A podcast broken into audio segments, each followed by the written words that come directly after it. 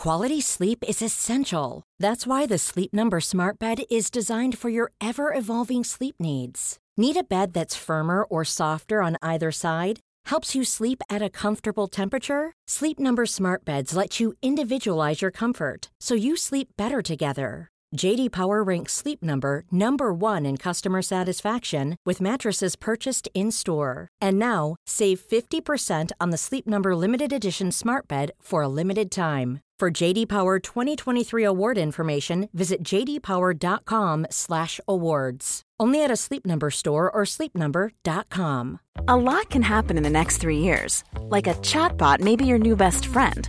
But what won't change? Needing health insurance. United Healthcare Tri Term Medical Plans are available for these changing times. Underwritten by Golden Rule Insurance Company, they offer budget friendly, flexible coverage for people who are in between jobs or missed open enrollment. The plans last nearly three years in some states, with access to a nationwide network of doctors and hospitals. So, for whatever tomorrow brings, United Healthcare Tri Term Medical Plans may be for you. Learn more at uhone.com. Millions of people have lost weight with personalized plans from Noom, like Evan, who can't stand salads and still lost 50 pounds. Salads, generally, for most people, are the easy button, right? For me, that wasn't an option. I never really was a salad guy. That's just not who I am. But Noom worked for me. Get your personalized plan today at Noom.com. Real Noom user compensated to provide their story. In four weeks, the typical Noom user can expect to lose one to two pounds per week. Individual results may vary. Veckans sponsor är Telia. Hos Telia samlar man mobil, bredband, IT-support, mobilväxel, allt som gör företagande enkelt.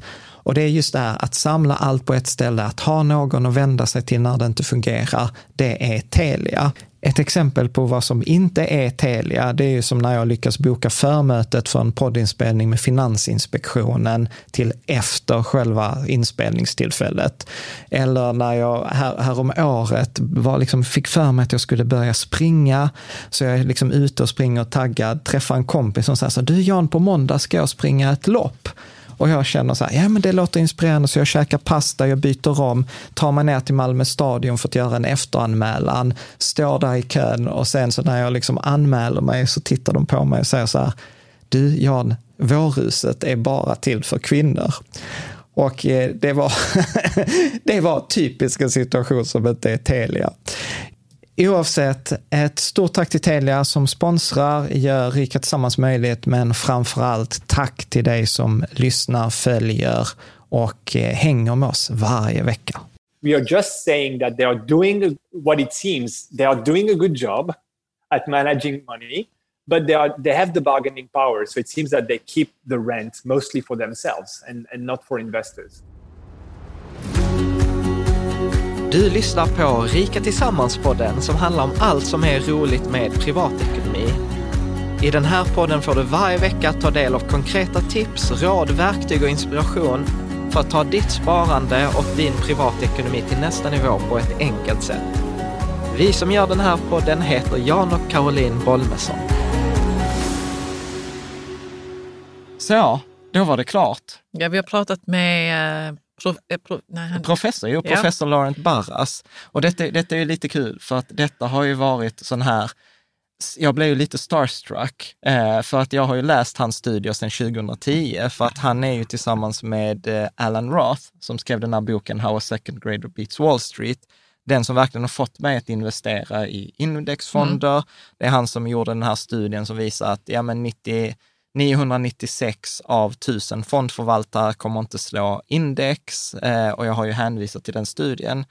Och sen var det ju någon på i vår Patreon-community som skrev så här, nej men Jan, det hade varit ganska ball om du inte kunde bjuda in Barras till podden. Och jag bara, nej, det kan jag inte.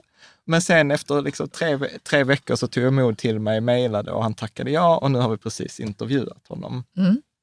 Men det var bra tycker jag. Ja, Det var vissa saker som vi nog inte har diskuterat tidigare i podden som kom upp.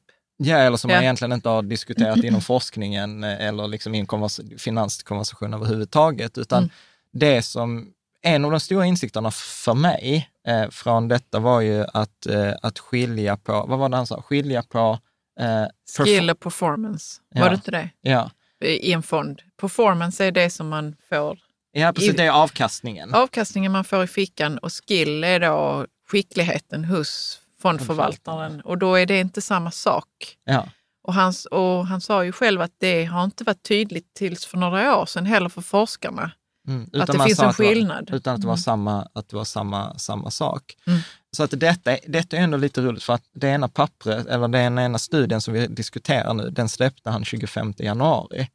Så att detta är Detta året 2021. 21. Ja, Så att detta är ändå lite cutting edge. ja det är vilket, cutting edge. Ja. vilket är roligt. Men vad tog du med dig från eh, samtalet med Alltså det är lite olika grejer. Så, men han är väldigt, jag frågade honom hur han själv eh, investerar sina pengar. Ja. Och då var han så himla försiktig men berättade ändå att det var indexfonder ju. Ja, Brett och väldigt diversifierat. Och sen så kom vi inte in riktigt på vad det var för diversifierat han menade, men det var väl... ja. Han sa att Ja. följer textboken. Ja, Alltså han följer i- textboken och han har inte någon home bias heller. Att han Nej. investerar så särskilt mycket då i, i sitt... eh, Schweiz eller Kanada. Schweiz eller Kanada. Kanada. Han bor i bägge. Ja. Ja. Nej, och sen, så intervjun är ju såklart på engelska, så Mm. att vi, jag ber om ursäkt för engelskan i förväg. Och är det så att Din du, egen. Ja, ja, inte hans eller din. Nej. Nej. men min egen. Men jag, tänk, jag tänker så här, vill man se detta med text så kan man se det på YouTube. Eh, du kan slå på textning. Är videon, du som lyssnar på detta på podd, om du är okej med eh, liksom, tre pers som inte har engelska som modersmål, någon av dem, så kan, så kan du lyssna. Det ska förhoppningsvis det går bra. Jag tänker... Där Men vi hade det här med alfa som Ja. han nämner jättemycket. Det är en finansiell term. Ja. Och då kanske du kan berätta vad alfa är för någonting. Ja, så vi, och vi kan ge lite kontext i Mm. forskningen så att man fattar lite Mm. bakom. Så, så man brukar ju prata om alfa och beta eh, och då pratar man alltså avkastning och alfa är överavkastning mot index. Ja. Så att om du och har... index brukar ligga på ungefär. Ja, ja, men så kan man ju säga. Det är, det är Eller? olika från år till år. Jo, jo, men, men i men genomsnitt- så är det 7 procent. Så o- om, om börsen över 100-årsperiod gör 7 procent och man har en fondförvaltare som över samma 100-årsperiod gör 8 procent, då har han ett alfa på 1 procent. Och då är det ett positivt alfa. Då är det ett positivt Mm. alfa och sen kan du ha ett negativt alfa, att den här fondförvaltaren över en 100-årsperiod gör 6 procent när börsen gör 7 då har han ett negativt alfa. Och detta går naturligtvis på 12 månader, kan man också säga att svenska börsen 2019 gjorde till exempel då 34 procent. Gjorde du mer än 34 procent på den svenska marknaden, ja men då hade du ett positivt alfa. Underpresterade du mot index så hade du ett negativt alfa. Och man kan ha noll i alfa också. Ja, och, Och då, då det- och, då, och går du som index, Ja. eh, helt enkelt. Så det är till Och exempel... det är inte dåligt. Nej, de flesta som vi Man kan brukar tro prata... att det är dåligt, men det Nej, är men det de, inte. Alltså. de, och det är ju egentligen det som, när vi pratar om indexfonder eller när vi pratar om fondrobot eller sånt, så är ju målet att alfat ska vara noll. Mm. Att du ska komma så nära, eh, så nära eh, index som möjligt, just eftersom det är så himla svårt att slå index. Eh, och detta var ju det han eh, då 2010 skrev sin sån här studie på, där han konstaterade att eh, 74 procent av alla fondförvaltare levererade eh, då noll alfa. Eh, det vill säga att de varken överpresterade eller underpresterade. 24 procent underpresterade, det var bara typ 6 av 1000 som hade ett positivt alfa. Men redan här, i denna när jag återgav detta, så blandade jag ihop de här att fondförvaltarna levererade. Och det han då har kommit fram till i, sitt papp, i sin studie Från detta året. från detta året är att 80 procent av fondförvaltarna är faktiskt skickliga. De har en färdighet i form av att de har till exempel bra investeringsidéer Mm. eller de är duktiga. Men han säger att den färdigheten översätts inte i performance, alltså i avkastning, som kommer oss eh, småsparare till handa för att den försvinner till exempel i, i form av avgifter, som är liksom den stora, vi pratar mycket om avgifter i avsnittet. Och sen så också som de introducerar då i den här senaste studien som vi pratar om, att eh, fondernas storlek, alltså scale, Mm. att Att den spelar jättestor roll för hur... hur, Mm. fon- hur fonderna går. Ja, vi kanske inte ska återge alltihopa, men det var, det var vissa väldigt intressanta saker och, och du kanske tar med dig annat än vad vi tog med. Ja, du som Och- lyssnar och tittar. Ja, och eh, detta är ju sån här typisk grej som jag tror att detta kommer nog ge upphov till fler frågor än det ger, eh, än det Ja. ger svar. Och sen en annan grej också som jag, som jag faktiskt måste understryka i avsnittet, är ju att han, man märker att han är duktig akademiker och som duktig akademiker så kommer du aldrig säga att något är svart eller vitt. Aldrig någonsin. Aldrig någonsin. Så att han är ju liksom så här när jag säger så här, men eh, kan man identifiera de här duktiga fondförvaltarna? Ja, finns det några markörer och sånt? Ja, Då, nej, det, då, då är han ju såklart, ja men det är klart att det går, men det är svårt. ja. Och, så att det var ju till och med på ett tillfälle att jag fick fråga honom, så här, "Du, är det svårt att jag kan göra det på en halvtimme på kvällen eller är det svårt att jag ägnar hela min karriär åt det? Mm. Så, Ja. att, så att det tänker jag också att, att ibland så upplever jag att bara för att någonting är möjligt så kan det ibland vara så att i akademin att det är 2% möjligt men du kommer att misslyckas i 98 procent av fallen. ja, och då säger man ju att det är möjligt. ja. Så Ja. att det är liksom inte en, att, det är, att det är, man ska inte ge sig på det. nej, Nej. precis. Eh, så Man att, får ha det i åtanke. Eh, För en akademiker så är all, någonting aldrig svart eller vitt. Och om någonting är möjligt till 2% så är Så- det möjligt. så pratar man om det som att det är möjligt Ja. och hur det skulle gå tillväga. Liksom. Ja, hur det skulle gå till. Eh, Mm. Bra. Men Eh, ska vi, ska vi släppa på honom nu då? ja, men det, Intervjun här med honom. ja, men det tycker jag.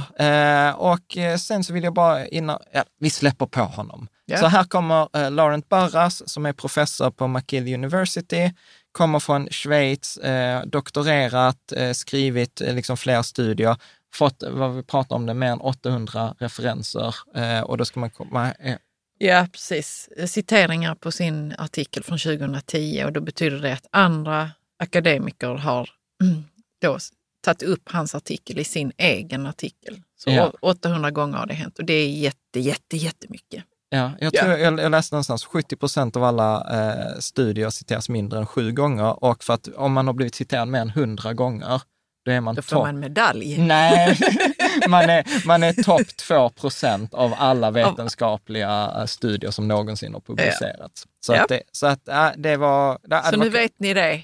Ja, precis. Bra, Okej, nu- kör vi. nu Very welcome, Professor Laurent Barras, uh, to our show. It's a real great honor to have you on because your research has impacted our way of thinking about investing, and many of our your conclusions has impacted the way thousands of Swedes actually invest their money. So, thank you a lot for joining us from McGill University in Canada. Thank you, Jan, for the and Caroline for the invitation. It's uh, it's great to be with you today. Thank you. And if we dive right into it, in 2010, you wrote like a seminal paper that has been cited more than 800 times, which we actually discussed. Like 70% of all papers are cited less than five, seven times. So it's like Yeah. a real, real accomplishment. And uh, it has been downloaded thousands of times. It got an award as an outstanding paper. And uh, it's called False Discoveries in Mutual Fund Performance Measuring Luck in Estimated Alphas. So, could you just give a, a person who hasn't read the paper, like, what was the background? How did you come up with doing this research? Yes, so so it's uh, it, back, back. So we, we started this project um, when I was a PhD student, and I think back in the in the days, uh, the the mo- the main piece of evidence that we have regarding performance evaluation of of, of active funds was uh, the, the average alpha. So you you look at the entire active industry, you measure the average alpha, and most of the time it was it was negative. Uh, but when when talking to practitioners and, and also talking to colleagues, uh, we felt that this average alpha was probably not sufficiently informative in the sense that you can have an, an average alpha equal to zero, but still having like I don't know, 30 or 40 percent of, of of positive alpha funds uh, out there. So we wanted to go one step further and say, okay, let's have some information about this distribution of, of alphas and, and ideally if we can come up with a decomposition of the entire fund population into three groups. So zero alpha funds negative alpha funds and, and positive alpha funds and coming up with these proportions that, that would be great. So so that, that that's the starting point of the of, of the paper. And and so the, the only tricky issue is you you don't of course observe these these alphas because otherwise we could do this classification right away and so uh, the, the, the, the, innovation of the paper is, uh, is relatively straightforward. And I can uh, perhaps take an example uh, with, with hockey. I know mm-hmm. that hockey in Sweden is a, is a big thing. Uh, and as, as a Swiss guy, I pain, painfully know how good the Sweden hockey team is. Uh, so let, us assume that you have 100 people uh, in front of you and, and you want to, to, to come up with the first line of, pay, of players. So you want to find five great hockey players. And of course, you don't see, you don't know who these guys are. So you are going to have a test testing them. So the test is just a penalty kick. And so you let your 100 guys uh, try and, and, and go to the go on the on the ring uh, and, and try to, to, to, to score and suppose at the end you find five guys that were able to to to score this this uh, this penalty. So you would say, so the first reaction might be great. I have my five players. I have I, I have my team, so it's great. But you could also think, let's wait a minute because I tried hundred of these guys. So even if all of them are really bad, I would probably expect just by mere luck that five of, them could score. You know, the, the, the, goalkeeper could trip or whatever. And so, it, it, so that's the basic idea. You just you you want to test. So so in the in, in the context of the mutual fund industry, the test would be we estimate the alpha and we see if it's high enough. If it's high enough, it's like you you you, you score the penalty kick. Yeah, because um, I was skilled. Exactly, but then you need to come up with some form of a lock adjustment. Okay, so if I have my five uh, players, maybe I should say, okay, among the five, maybe two or three are, are very good, but not the five of them. And so the, the key inno- innovation of the paper is simply to do this, this adjustment. Okay, to mm-hmm. say among these funds that have very high estimated alpha, we are going to do to come up with a deduction to then finally be able to classify these this population into three groups. That's the basic idea. But how do you adjust for luck? So, so essentially, what you're going to what you're going to do is the adjustment for luck is you're just going to look at funds that have estimated alphas that are very close to zero.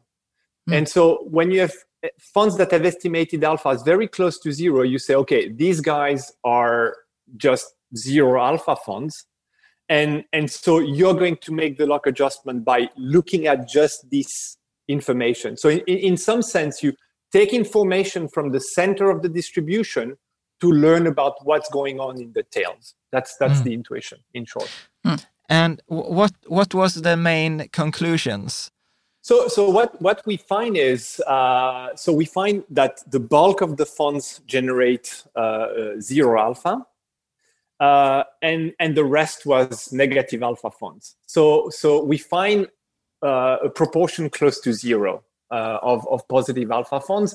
So that could answer this question of when when you have a zero alpha in the on average in the entire industry. So some people might say yes, there, there may be still good guys, but you don't see them. At least based on this methodology, we we didn't find this, and and so we didn't find any positive alpha. Mm-hmm. Because like one one conclusion I drew from the paper is that yeah there are like uh, people that can beat the average uh, market like generate alpha, but it's going to be like six people in one thousand. And the problem is like, how do I how am I supposed to know which of these six uh, of these thousand people these six gonna generate the alpha. And for me, the conclusion from that was that for the retail investor, like for me investing my money, I think like the best option, best course of action is to like invest in broad, passive, cheap index mm funds. Would that be like a conclusion you would agree with? Yes, so, so, so I think so. I think we need to be very careful about uh, about a distinction. So there's a distinction that we need to make right from the start, and maybe we'll have time later on to, to elaborate. I will have time to elaborate a bit on on this, but we first need to distinguish between this notion of skill and performance.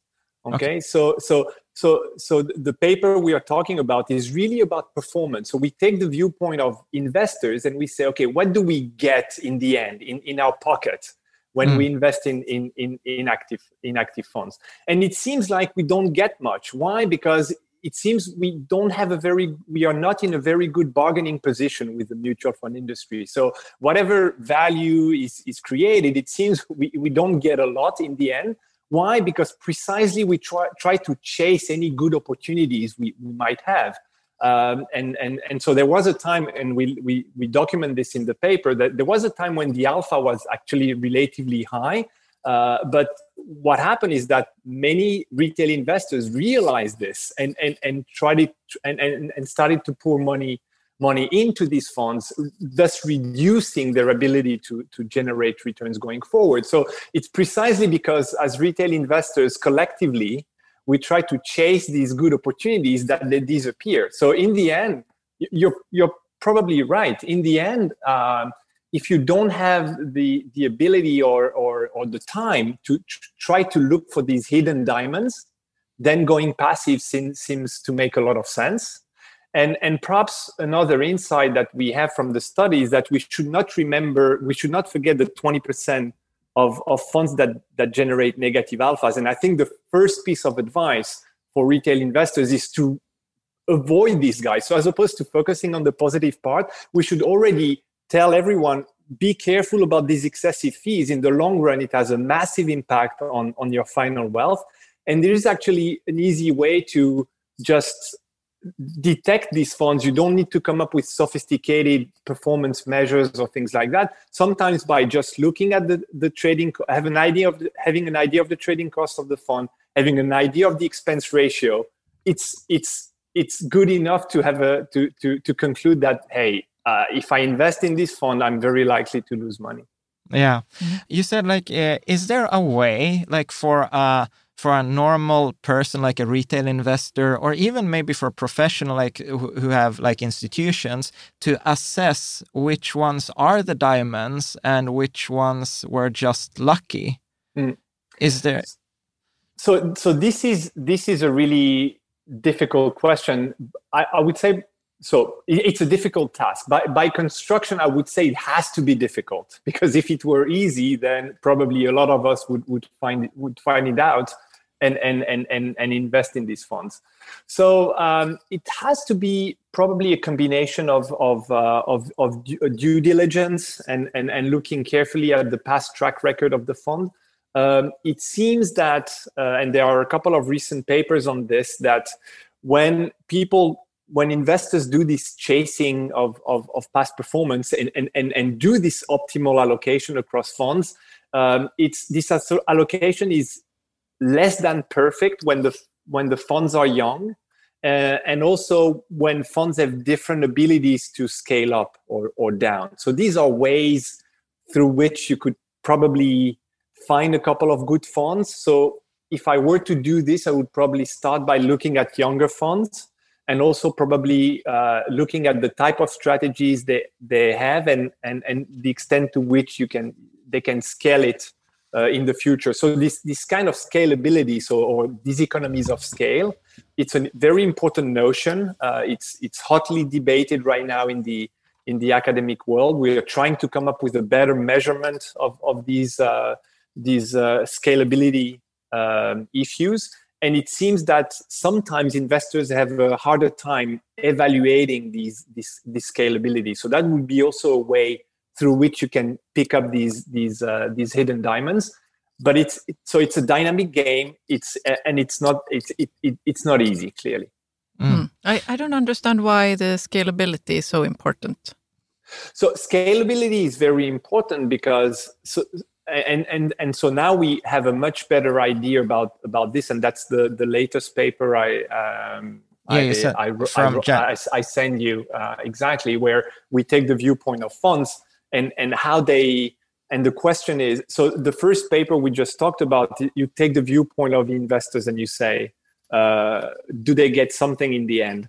While in the in the latest paper we have we take the viewpoint of of, of funds and we try to see what how, how they invest. So what, what kind of skills they have and how does the, the how do the returns change as they grow larger?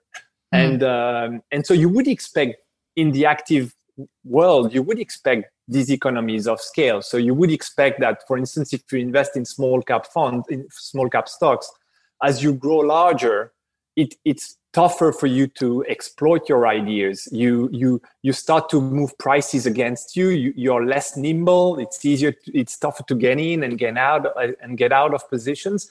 And so we've known this for a long time but there was still some controversy uh, around the magnitude of, of these uh, of, of these scalability issues and what we show in our paper is that when you really do a fund level analysis and and you allow these you, you allow both the, the the skill and scalability of the funds to be specific to each fund so you don't group all the funds together we do mm-hmm. have evidence that that that scalability is a big issue and so mm.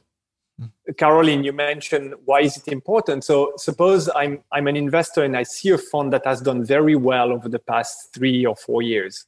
So when I when I define how much I want to invest, I need to have an idea about, and I, I, need to presume that other investors probably will do the same. And I need to have an idea about the, the scalability issue. So if the fund has 20% more, uh, will this fund be able to maintain roughly the same performance or it will, will it drop sharply? Mm. And I think that's not an easy thing to do for retail investors. So perhaps investors that are better than others at identifying these these scalability issues might be better equipped to uh, identify these these hidden diamond, diamonds. Mm. Yeah.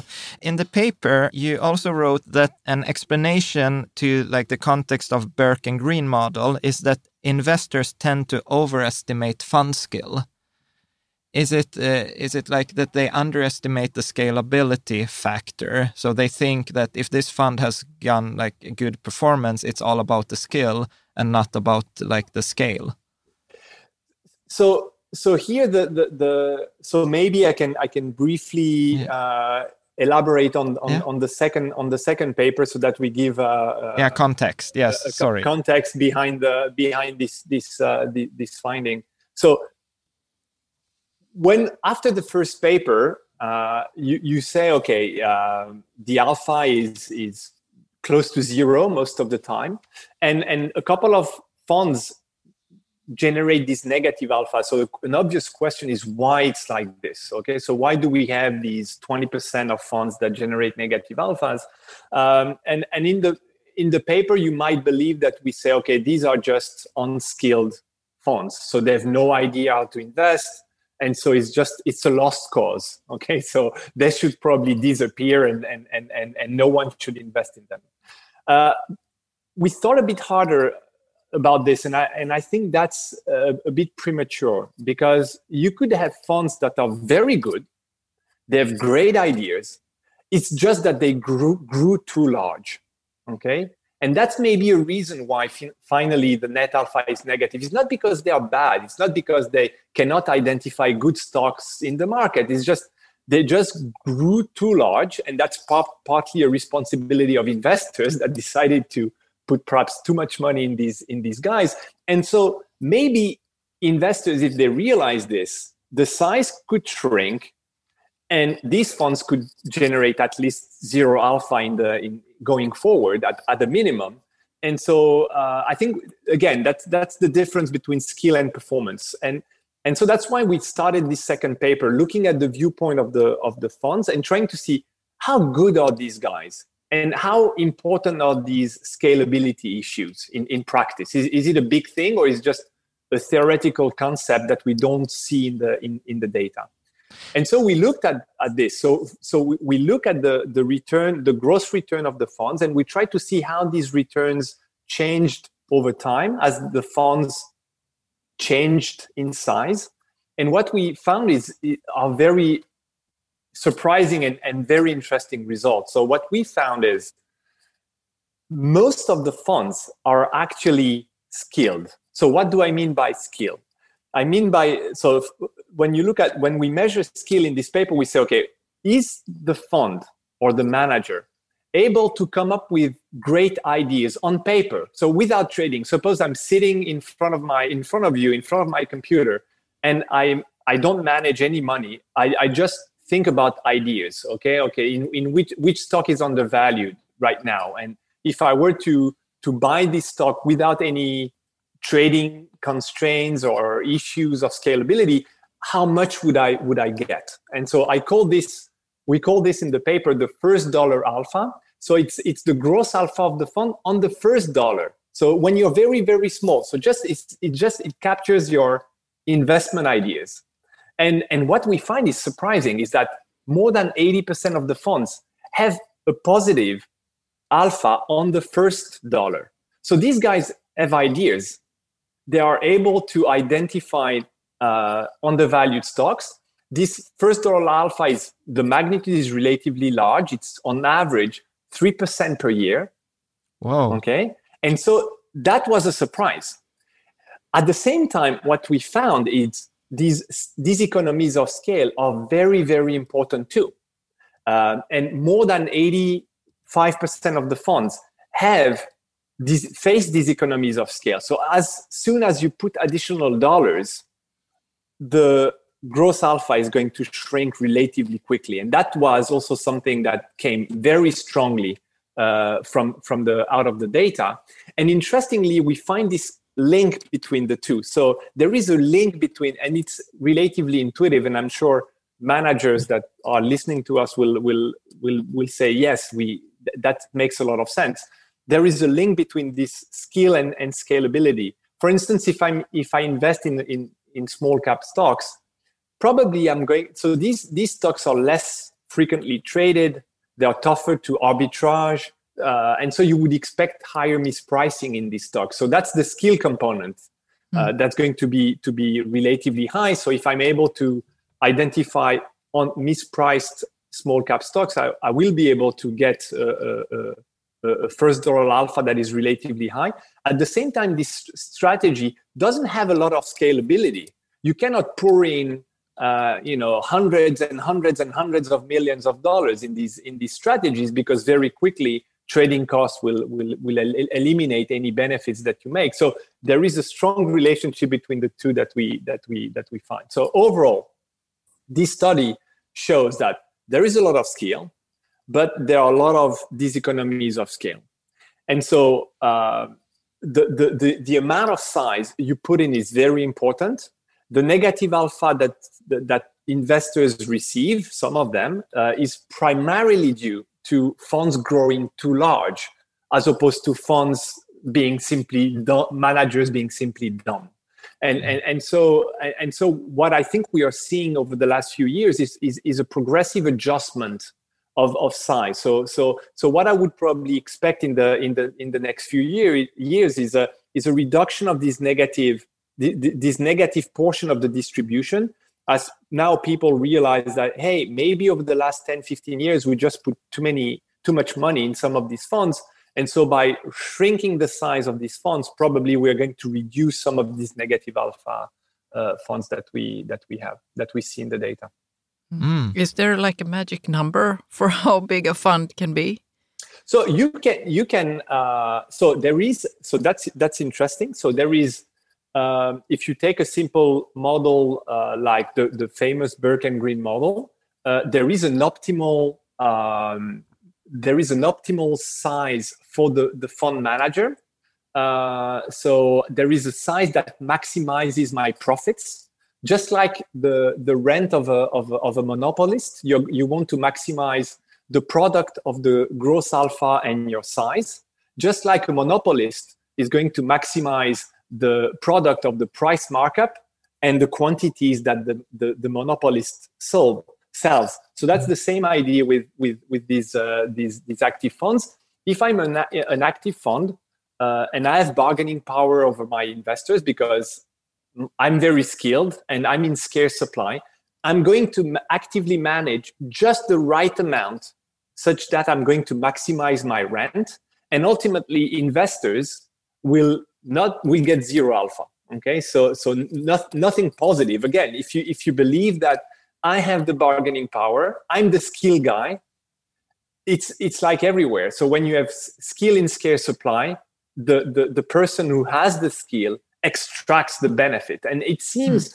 when you combine the two papers together. So the the the the, the first paper with in 2010 showing that funds generate negative alphas, and at the same time the recent paper showing that hey there is a lot of skill out there, and and and managers seem to create a lot of value by exploiting their investment abilities to me, the only conclusion that makes sense is we have we have an, an environment where in retail investors don't have a lot of bargaining power uh, vis-a-vis the active the active managers. So what I should expect going forward is a reduction in negative alpha, yes, because that's clearly a losing proposition for retail investors, and sh- they should avoid this at all costs.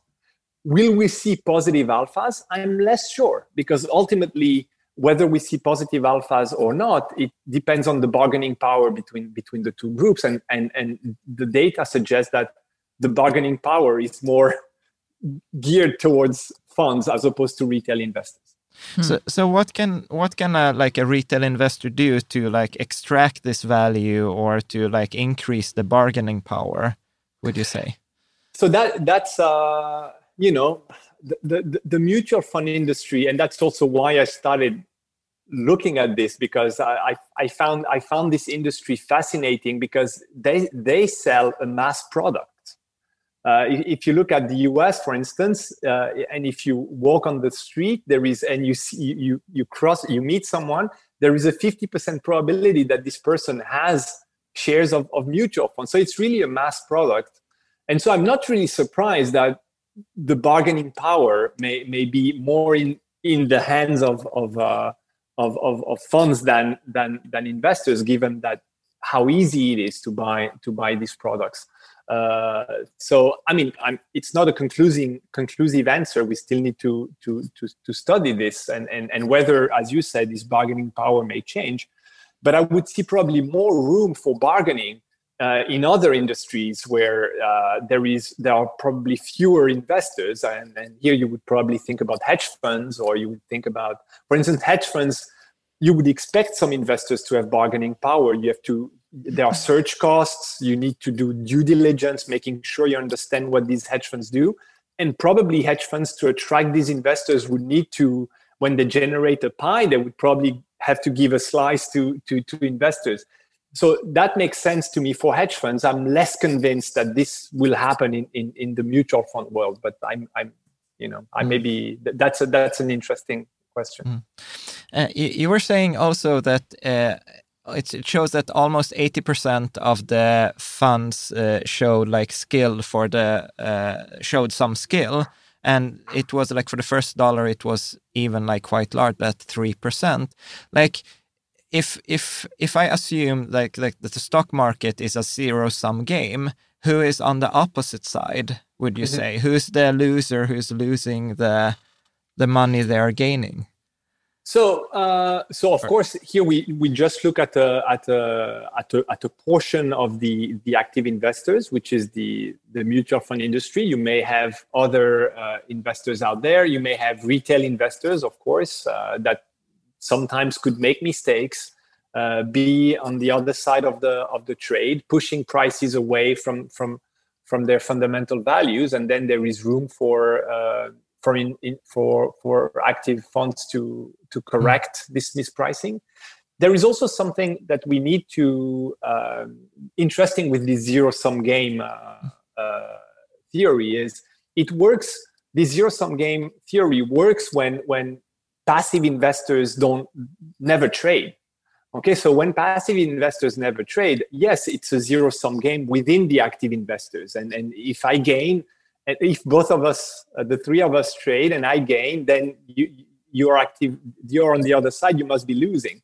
Uh, but there is also there is there is this assumption that passive investors never trade, but passive investors need to trade uh, at least one time to enter yeah. into the into the market and perhaps even more because every time we have uh, IPOs, every time you reinvest uh, money that you receive as as as, as a Yeah. salary, and then maybe you have liquidity shocks and whatever. So even pass what we call passive investors need to trade, and so there is room. And I'm not saying it's necessarily the case for active mutual funds, but uh, uh, the active industry also play a, plays a role in providing liquidity, and that's something we tend to forget. And and this this provision of liquidity could probably uh, account for some of the positive alpha we see uh, generated by by active investors. So, uh, short answer is they are on the other side. You might have unsophisticated investors, uh, but it's not necessarily a, a zero sum game because of Mm. this uh, trading that even passive investors need to make. we we have we have interviewed like quite a lot of fund managers and it's and they always say that our performance is due to our skill and like sometimes i have i don't want to mistrust them but is there like a way one could look at okay no you were just lucky? Because you're you're like nobody is gonna uh, how do you say confess and say okay i was just lucky the last couple of years. So how do you when somebody says to you like i've beaten the market the last uh, five Look years look at my history. look at my performance uh, yeah, you- you- I, I'm sure. I'm sure you have friends around you making the same uh, the same comments. I'm I'm fantastic. I've done well. Uh, yeah, a- and, and and i'm thinking like i've i've been doing this for 20 years i've lost my all my money like twice and i like okay you've just experienced 10 years of a bull market so how do you say like what's a good way to think about it uh, how is there a way i can like do some are there some heuristics or how how can you like break it down? What would you what do you think? so here it's it's true there there is there is a big gap between between what what what we think is is is reasonable as a, as a, as, as a number of observations in, in academia and and and what uh, students or or retail investors or practitioners focus on uh, there is there is a big gap here in, in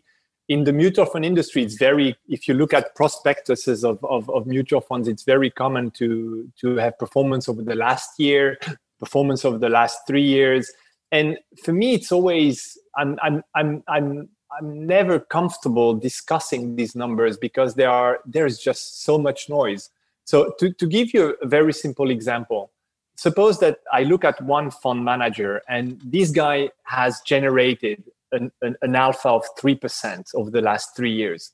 That would, in, if you look just at the number, it's, it's, it's outstanding. You would say, wow, 3%. If you think about the equity, the, the premium that you get in, in the market, the equity uh, market premium, it's 5% per year, roughly, on, if you take a relatively long period. So if you tell me that a manager gives me 3% alpha, uh, it's amazing so that that could that's the first reaction. And many people react like this. Look at my last three years. It's just outstanding. But so even with this amount with with this level which is which looks amazing with three years of data even if this guy was not skilled at all and and and, and produced an alpha equal to a true alpha equal to zero there is a 25 probability to observe estimated alphas that are equal or higher than 3%.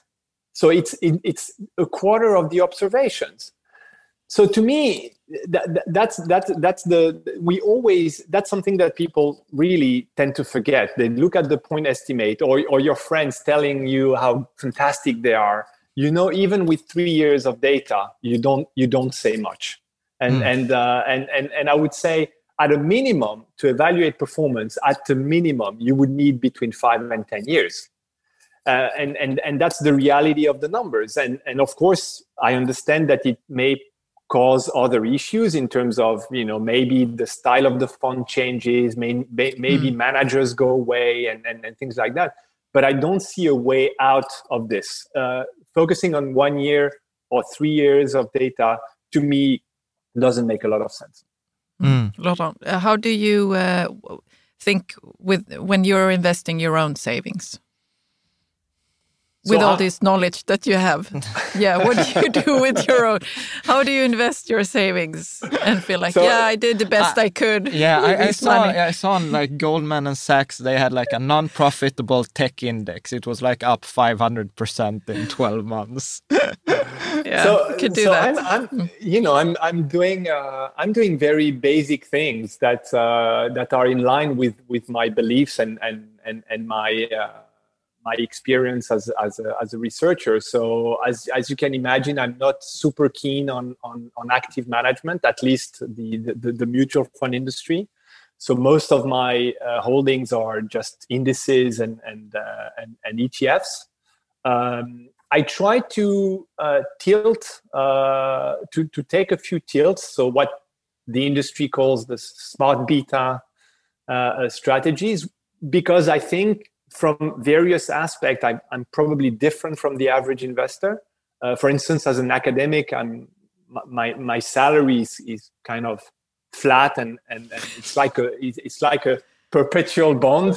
And so of course i need i need to undo this in the in in the market. So i i, I can take a bit more equity risk.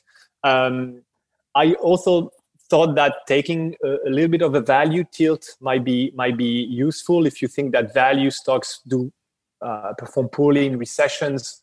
Uh, I'm not super exposed to this again because of my human capital. Um, mm. That hasn't been a great bet, obviously, over the last uh, over the, the last years. ten years. uh, and and I'm also doing so when when I go active, I try to to look at more alternative investments, and again, that reflects my belief that maybe uh, in this alternative space there is a little bit more bargaining power for investors. Mm. could one say also that uh, for the more like niche market, uh, for instance, like small caps, for if, if, I would say like Nordic small caps, that the market is less efficient in that area because it's like small and not everybody's interested like in small cap Nordic stocks. And hence it's easier for the fund manager to be skilled and generate alpha in that area than versus e.g. a S&P 500 uh, fund. Yes, so so we that's something we we that's a striking uh, result that we have in the latest paper. We find that uh, small cap uh, funds generate a much higher dollar, a much higher alpha on the first dollar than large cap uh, funds. And so that exactly reflects your your consistent with your analysis. And we also find that uh, the, the, strategies in the small cap space are less scalable so so ultimately is uh, you, you, you can if if you specialize in this in these small cap stocks you you you can really pick up undervalued stocks and and and and and, and that's great. At the same time you know that you will have constraints in terms of how much you want to scale. So ultimately the, the, the value creation of the fund is the product between the two. Yeah. and and and so it's an empirical question as to whether uh, it's bigger in one versus the other. In the paper we find that it's bigger in the small cap space. Yeah. One of the objections like when i present your uh, papers, it's like almost embarrassing to say, like, I'm trying to replicate your findings. But one of the objections I got, which I think is the most difficult to answer, is that they say, okay, but this that study holds up like if you would own a fund for a long period of time. But if you are like active and you kind of like jump between funds, uh, like based on performance, then it's uh, then it doesn't apply to me basically. Mm. It, then it, I will do better. Then I would do yeah. better. So I, I can, because I'm just going to surf between the skilled mm. fund managers. Mm-hmm.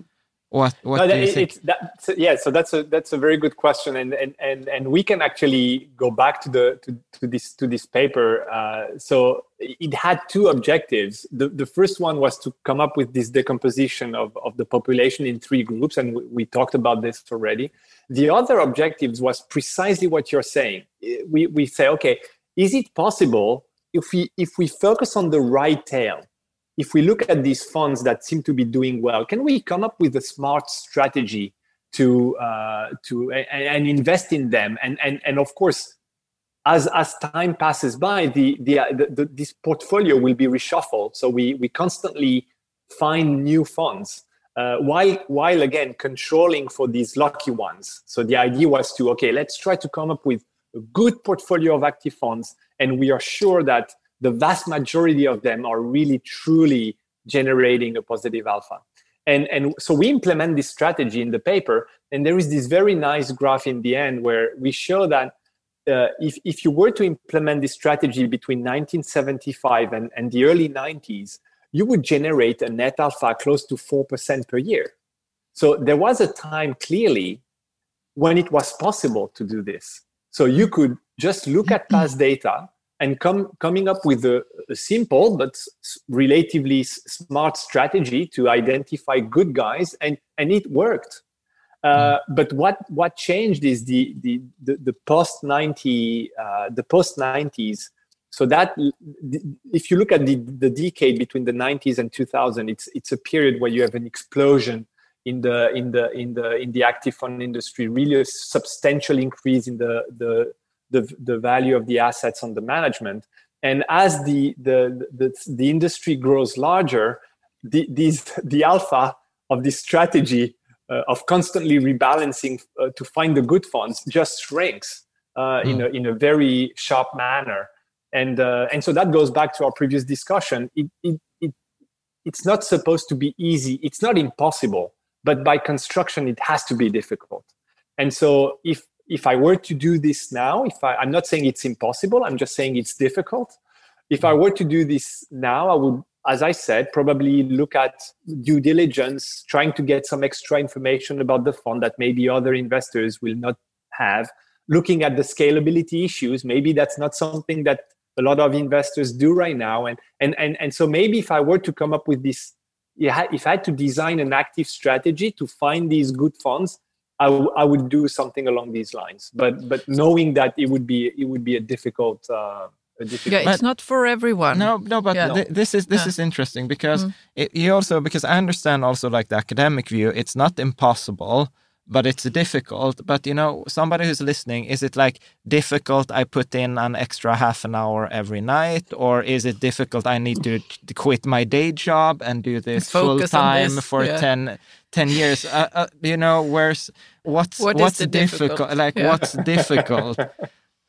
so I, so, so it, it, relates to the question, uh, uh, you know, m- a more general question. If if I'm a retail investor, is it worth being active. So yeah. it's it, so you can be active in trying to pick up the right active the right funds, or you could be active in trying to pick up the right stocks at, at the right time.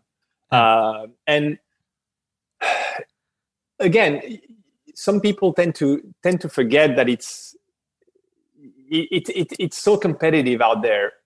We and at the same time, if you go on YouTube, you have all of these all of these ads saying how how easy it is to, to, to, to, to get rich in the stock market. I think it's, it's very difficult. It's very competitive. You have very talented guys spending their entire day, the entire year, d- just doing what you're trying to do, perhaps in the evening or during the weekend. So again, I don't want to discourage uh, uh, retail investors, but it's true that many of them will end up in the wrong side of the trades you know buying and selling at the at the at the wrong times and and and, and incurring excessive trading costs. I think if you want to do it because it, for some people it's also a passion. It's you know mm. it's something they like they're interested in in, in in in in the stock market. I think a good way to to to to do this is really to build on your strength. So in which dimensions am I different from the average? So maybe you have you you know an industry very well. Maybe you you know uh, your local stocks very well. Uh, maybe you have social connections that allow you to perhaps process information in, in a subtle way, or uh, maybe you, you you're you're good in, comp- in in in computer and you can scrape additional information because you have coding skills whatever. So so you need to come up with something special. And there are many dimensions in which you can be special. Uh, but but to me just doing this quickly in in in the in the evening uh, without a clear plan without clear rules uh, i think it's likely to fail as opposed to to, to succeed yeah. No, because I, I remember I did an interview with, with Professor Paolo Sodini, uh, like who's at Stockholm University, and he said like when I'm doing a trade, I said, uh, and he said like in most times I'm thinking of the guy sitting on the next on the other end, and he has a complete opposite view of what I have because otherwise the trade wouldn't go through. And he said, and in nine times of ten, the other guy is probably smarter than me. He's yeah. like a Russian astrophysicist uh, or somewhere. But I was thinking, we have seen the last couple of years like an increase of um, funds pouring in into index funds because like people realize it's very difficult to choose active funds or doing this by oneself. Do you see like any risks with uh, these passive strategies or like any problems or? So, so it's it's a very active uh, area of research uh, right now, trying to understand the, the, so trying to understand why we are seeing this moment this momentum shift. It, it's true that the, the outflow out of the active industry and towards the passive industry over the last 10 years has been outstanding. It's probably you know the first time in, in, in the in the history of, of, of, mutual funds that we see such a such a, a shift. Um, so we try to understand why it's like this and also uh, of course the consequences it has on, on prices. Um, so i think part of the movement we see is just uh, uh, it's just these learning effects we, we talked about uh, retail investors realizing that too much money was was was put in, in the active fund industry. Uh, the net alphas are negative for a couple of them. And so we need just to readjust uh, this making sure that at a minimum we get the, the, the zero alpha. And i think that's good news. It means that a lot of unsophisticated investors uh, start to realize that they, they had been losing a lot of money, and I think that's that that's a, that's a good thing. Um, now the question as to uh, the implications of, of this it's it's it's a subtle question. So you would you would you would expect probably some form of disconnect between some of the uh, stocks that are traded in these indices versus those who are not. So some kind of price dislocation. And so that's interesting because actually, so when we think about retail investors, we think about uh, the, the, unsophisticated guy in front of his computer, as we said, trading randomly in the evening. But maybe a part of the noise that we see in the market may, may arise because of institutional reasons. For instance, uh, the buying pressure of, in, of index funds. And so, um, what's going to be interesting in the future is um, what is the how the, the level of mispricing is going to is going to change so on the one hand we have uh, these new institutions which could pr- probably cause some price dislocation and maybe we uh, have a reduction in, in, in, in, in, noise because some of the retail investors we, we mentioned may, may say, oh, I'm fed up trying to trade on my own and making mistakes. I prefer to just buy uh, index funds. So you, you probably have these two forces, and it's not completely clear how this will evolve uh, over time. And I think it's an important question because we focused a lot about okay, how much investors gain, how much investors lose, what what are the skills of, of active funds. But ultimately, we should not forget why it's important to have efficient uh, uh, markets in terms of the allocation of, of, of resources. It, it's can be it is something that we really need as a as a as a society and that's something that active fund uh, managers contribute to. When we have prices that become more efficient it's uh, easier to to deal with incentive problems for managers. It's easier for them to make the right decisions. When you you, you give the right money to the right companies during ipos and i think i think ultimately that's something we, sh- we should always keep in mind in this big uh, debate. Mm. I think we'll be rounding off here soon. Maybe a, question outside your, scope of research, but uh, I, am going to try it. I'll do my best. yeah, because you're from Switzerland, uh, and Sweden is like a very small market in, in the global market capitalization. It's like 1% almost. And, and a big discussions we've had here in, in our community is that there's almost no research on home bias. There's like some studies made on US investors that they should like divest from US outside. But is there like, do you have like an opinion on home bias? What is correct? Should one follow the global market cap? Like uh, a Swedish investor should only put 1% in Swedish stocks or is there like yeah. any thoughts you have about that? Mm. So, so I, I'm I'm I'm clearly not a, an expert of a bias, but what I, so what I do personally in, in yeah. my portfolio is clearly to get this this diversification. So uh, so I'm I'm I'm I'm I'm doing I'm I'm kind of following the textbook uh, advice, which is to to have a diversified portfolio internationally. Um, having having a portfolio that is tilted a little bit towards your your own country could of course make sense. In particular, we talked about these uh, uh, being an active investor who has uh, superior knowledge about you know his her his or her own uh, geographic environment, local firm. So that's definitely one obvious reason why you want to to to stay a bit mm-hmm. more local. But apart from this, I, I, think we should not underestimate the the, the gains from uh, from diversification international from mm. from international diversification. Mm. And is there what would you say is uh, like what would you like more people to understand from your own research, uh, like to take takeaways? So I think uh, so. I think so. Realizing that uh, you lose a lot of money by investing in these negative uh, alpha funds, and I think that's something that probably, in terms of the welfare of many investors, is the most important thing. So if people could just realize that when they pay excessive fees like 2 3% per year during 10 15 years it has a massive impact on, on their wealth and that it's not so difficult to address because again as i said you just look at, at the expense ratios and it gives you already a lot of information that maybe you should uh, you should do something else i think that's that's a very simple piece of advice but surprisingly uh, it takes a lot of time for these large funds to shrink so uh, in, in, in the paper we, we wrote, uh, the paper we discussed in 2010, we were surprised to see some funds generating net alphas for 10, 15 years in a row. Mm-hmm. Um, and, and, and so that's super predictable. So it, it, seems like, you know, at some point you should, you should, uh, you, you should realize that this is, this is not a, a, a great value proposition. Uh, and, and I think if, if more people could just have a look at their holdings and say, "Oh, is it, I, do I fall in this category?"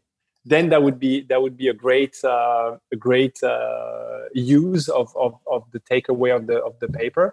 And maybe a second thing that um, we need to make some progress, and and and, and I think as a the academic community, uh, me also, I think the, the, the, the, paper in 2010 is not completely clear on this front. And I think uh, we need to correct this is the keeping in mind that skill and performance are very different and and there is a lot of confusion in the in the in the in the discussion around mutual funds uh, and again it's partly our fault because we, we we were not always super clean clear in terms of distinguishing the two notions but performance is really from the viewpoint of the investor what do you get in the pocket and it's the outcome of a bargaining power versus the skill of the funds which is really their ability to identify uh, uh, good good uh, undervalued stocks in the market. These two don't need to be to be the same. Mm. Yeah. yeah. I just wanted to ask about this 2010 paper, this the false discoveries. So it has been cited many times, but is it the interest in the paper? Has it been solely from the academia, or has it been uh, finance people that has contacted you and wanted to know, or uh, do you, do you see what I mean? No, so you, you you ask whether it had an impact on the yeah is it purely on, academia on... or is it is the impact coming out into the finance industry and uh, now it so, comes into to uh, retail investors for example yeah yeah no so i think i think it it it, it, it had an impact I mean, still in the in the fine within the finance world, but definitely outside the academic uh, uh, world, uh, because we got exposure from in in in in, in newspapers. This is an important question. Again, it's a mass product. Uh, many of us have shares of mutual funds, and and so we want to know uh, whether we we get something, or at a minimum, whether we lose money when yeah. we invest in, in active funds. So of course it had it had it had an important impact, and and I was very happy about about this precisely because it, it's kind of it, it gives you practical advice that you have to be really careful about these negative uh, alpha funds. Of course, it also attracted attention in the among practitioners, and practitioners were were slightly on the defensive side because they say, of course, it's it's not a very it's it's not not a very nice or good marketing pitch for them, uh, but at the same time, for them, it's also, and I think that's what the second paper shows is we are not saying that they are dumb guys. We are not saying that they are they have no clue how to invest. We are just saying that they are doing a, a, what it seems they are doing a good job at managing money, but they are they have the bargaining power. So it seems that they keep the rent mostly for themselves and, and not for investors. And uh, yeah. that's that's mm. what we what we we find as well. Last two questions. Like during the expense ratio, do you have like a rule of thumb? which is like this is an okay expense ratio or this is too too high so so if you if you look at if you if you take uh, let's say a normal equity fund uh, in, in, in the US, you probably have an expense ratio of 1.5% per year. Uh, trading costs are going to be roughly 50, uh, 0.5% per year, so you're at 2%. Um, what you would pay for a passive fund would probably be 20 25 basis points uh, so you're, you're, you you have a, a, gap between the two that is equal to 1.8 okay so mm. what, let, let's let's say 2 so 2% is to me it's kind of I, wouldn't as a, as a rule of thumb i would be very skeptical going above this simply because I look at the market, the equity risk premium, which gives me 5% per year. And, and, and that's probably the main source of, of, of revenue when as collectively we invest in, in, in, in, the equity market. And you're telling me that I already have to give 2% to, to, to these active funds. So it's a, it's it's 40% of the equity premium. So so the guy has to be really, really good to to to to just compensate for, for, for, that so so as a rule of thumb i would say that as you go above these levels you probably you have you have a higher probability of of, of ending up in the in this left tail that we we, we discuss so much mm. Like one of our favorite questions which we ask almost all our guests is like what is the worst financial advice you have like heard in the finance industry or in the academia? Um, I, I, I, I, don't think I would single out one, one, one uh, really bad piece of advice. What, what, what I find a bit more surprising is, uh, you know, these, these ads that I sometimes uh, fall upon on YouTube saying that, oh, it's so easy to, you know, to, to, to be active, to trade, to make a lot of money, to buy Bitcoins, uh, and, and, and to rave the, to ride the wave. Uh, I think that that I'm I'm I'm I'm never very comfortable when I when I I listen to these guys. I think I think I think it's uh it's it's a, it's a competitive game. It's it's it's difficult and uh, and and in this difficult game, I think diversification is is really a key, a very simple but very key um, key uh, part of your portfolio. Uh, so bottom line is diversification. Think about how in terms of your strategic asset allocation, think about how you're you, you're different from the average investor. And finally, mm-hmm. if you really like to be active because it's a passion, try to perhaps identify a couple of areas where maybe you have uh, you have you have spe- special knowledge or, or, or you're good at. If you put these three things together, I think it, it goes a long way avoiding some of the some of the horrible uh, tips that you, may, that you may hear from time to time. ah, perfect. I think that's like a perfect uh, place to end at. Yeah. Uh, thank you very much, Professor Laurent Barras, for joining our show and just like sharing your wisdom and keep on doing the research you're doing because uh, we, we are a lot of people who are following it with great interest. So, mm. Thank, thank you, you, Jan and Caroline. Thank you, thank you very thank much you. for the for the invitation. It was great to uh, spend time with you. Yeah, thank you, and have have a nice weekend, and hopefully maybe maybe in the future we can come back with some follow up questions to you. Hopefully. thank you. Goodbye. Have thank a good you. day. Bye. Bye. Så, det var intervjun med eh, Laurent, Laurent Bar- Barras. Ja. Mm. Så vad, vad tänker du Caroline? Eh, jag, tänk, nej, men jag tänker att det, är, det var vissa grejer som, som han tog upp som var intressanta. Det här med skal, scalability kallar han det Ja. för fonder. Hur, att de får inte bli hur stora som helst för då förlorar de sin avkastning. Mm. Men jag vet inte riktigt vad jag ska göra med det just nu. Utan det är liksom nästan som att vi måste prata mer om vad som kom fram i den här intervjun. Och liksom, eller vad, håller du inte med mig? Om Alltså, att man i- måste nästan bolla detta med någon annan. Ja, ja, i, forumet, I forumet har, I vi, forumet, har, vi, har vi diskussion kring det här. Men jag tänker så här, alltså så här, det är ju lite revansch för alla så här fondförvaltare som vi har haft, där jag brukar alltid tänka, ja men du hade bara tur. Där, där de faktiskt är så här, så här 8 av 10 har ju den här skickligheten. Eh, men att man, som vi- han pratar om, liksom, de har ju också all bargaining power. Så att jag tror Ja, det var en stor grej också som Ja. kom upp. Och jag tror att till exempel en grej som jag tar med mig rent konkret, det är ju att börja, när man tittar på de här fonderna, så titta faktiskt hur stora de är. Alltså är det så att den här eh, Jag, fonden... jag tyckte det var svårt att få fram en, en, liksom en siffra för hur stor en fond får Precis. lov att vara. Men det kanske också är så att man inte kan ge en sån siffra. Nej, för att det, beror, det kan jag svara på. Eh, Mm. För att det beror på vilken marknad du agerar på. Mm. Alltså agerar du till exempel på amerikanska börsen så blir ju minimistorleken blir my, långt mycket högre än om du tar för den svenska börsen. Ja, det förstår jag. Men, Eller, eller Mm. liksom småbolagsfond, liksom innan, den blir för, innan den blir för stor. Men sen så tänker jag så här, liksom att, men hur ska man då kunna bedöma? ja jag vet För inte. sig själv? Ja men jag vet inte, men, men det är väl liksom en av de där Då blir grejerna. detta liksom ett skicklighetsspel ändå. Ja men det är klart att det är. Så ja, det är inte som att jag känner så här, oh jag kommer lämna min strategi med indexfonder eller eh, fondrobot. Men det känns, utan det känns snarare liksom, han bekräftar den, men han, han, han öppnar dörren för att ja, men det finns skickliga fondförvaltare. Det är mycket svårare än vad det, vad det var förr. Eh, men, men de går att hitta. Men, eh, och sen också att den här strategin som ibland brukar, framförallt i forumet, dyka upp att ja, men jag, jag byter till den fonden som gick bra sist.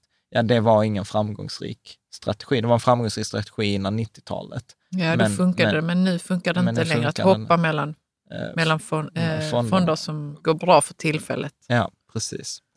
Ja, bra. Nej, som sagt, detta gav ju upphov till mer frågor än det gav svar, men det var ändå intressant. Och jag tycker så här, ja men det var två, tre nya saker som man, Mm. som man lärde sig.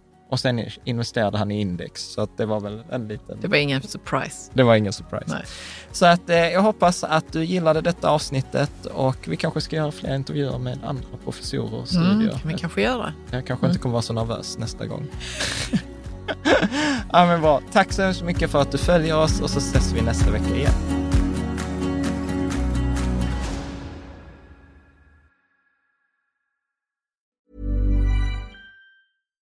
Hi, I'm Daniel, founder of Pretty Litter. Cats and cat owners deserve better than any old fashioned litter. That's why I teamed up with scientists and veterinarians to create Pretty Litter. Its innovative crystal formula has superior odor control and weighs up to 80% less than clay litter. Pretty Litter even monitors health by changing colors to help detect early signs of potential illness. It's the world's smartest kitty litter. Go to prettylitter.com and use code ACAST for 20% off your first order and a free cat toy. Terms and conditions apply. See site for details. Ever catch yourself eating the same flavorless dinner three days in a row? Dreaming of something better? Well, HelloFresh is your guilt free dream come true, baby. It's me, Gigi Palmer. Let's wake up those taste buds with hot, juicy pecan crusted chicken or garlic butter shrimp scampi. Mm. Hello Fresh. Stop dreaming of all the delicious possibilities and dig in at HelloFresh.com. Let's get this dinner party started.